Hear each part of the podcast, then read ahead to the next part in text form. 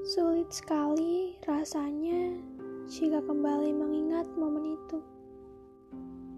Kejadian di mana saat kau dan aku bertengkar karena kesalahpahaman.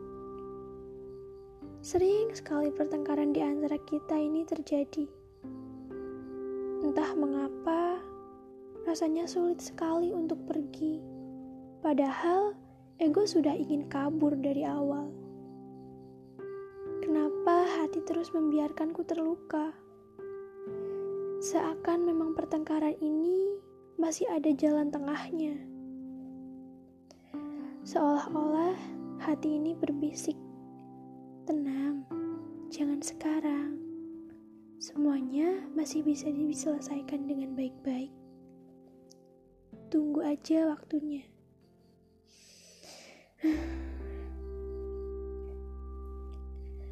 Aku berusaha mencerna kalimat itu. Kalimat yang membuatku menyesal karena tidak menurutnya.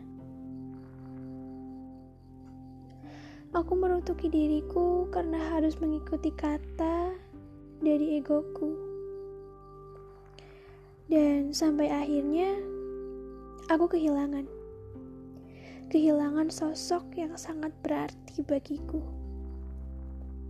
Mungkin kata maaf bagimu tidak berarti apa-apa. Tapi aku sungguh-sungguh menyesal dan sangat kehilanganmu. Maaf atas pertengkaran waktu itu.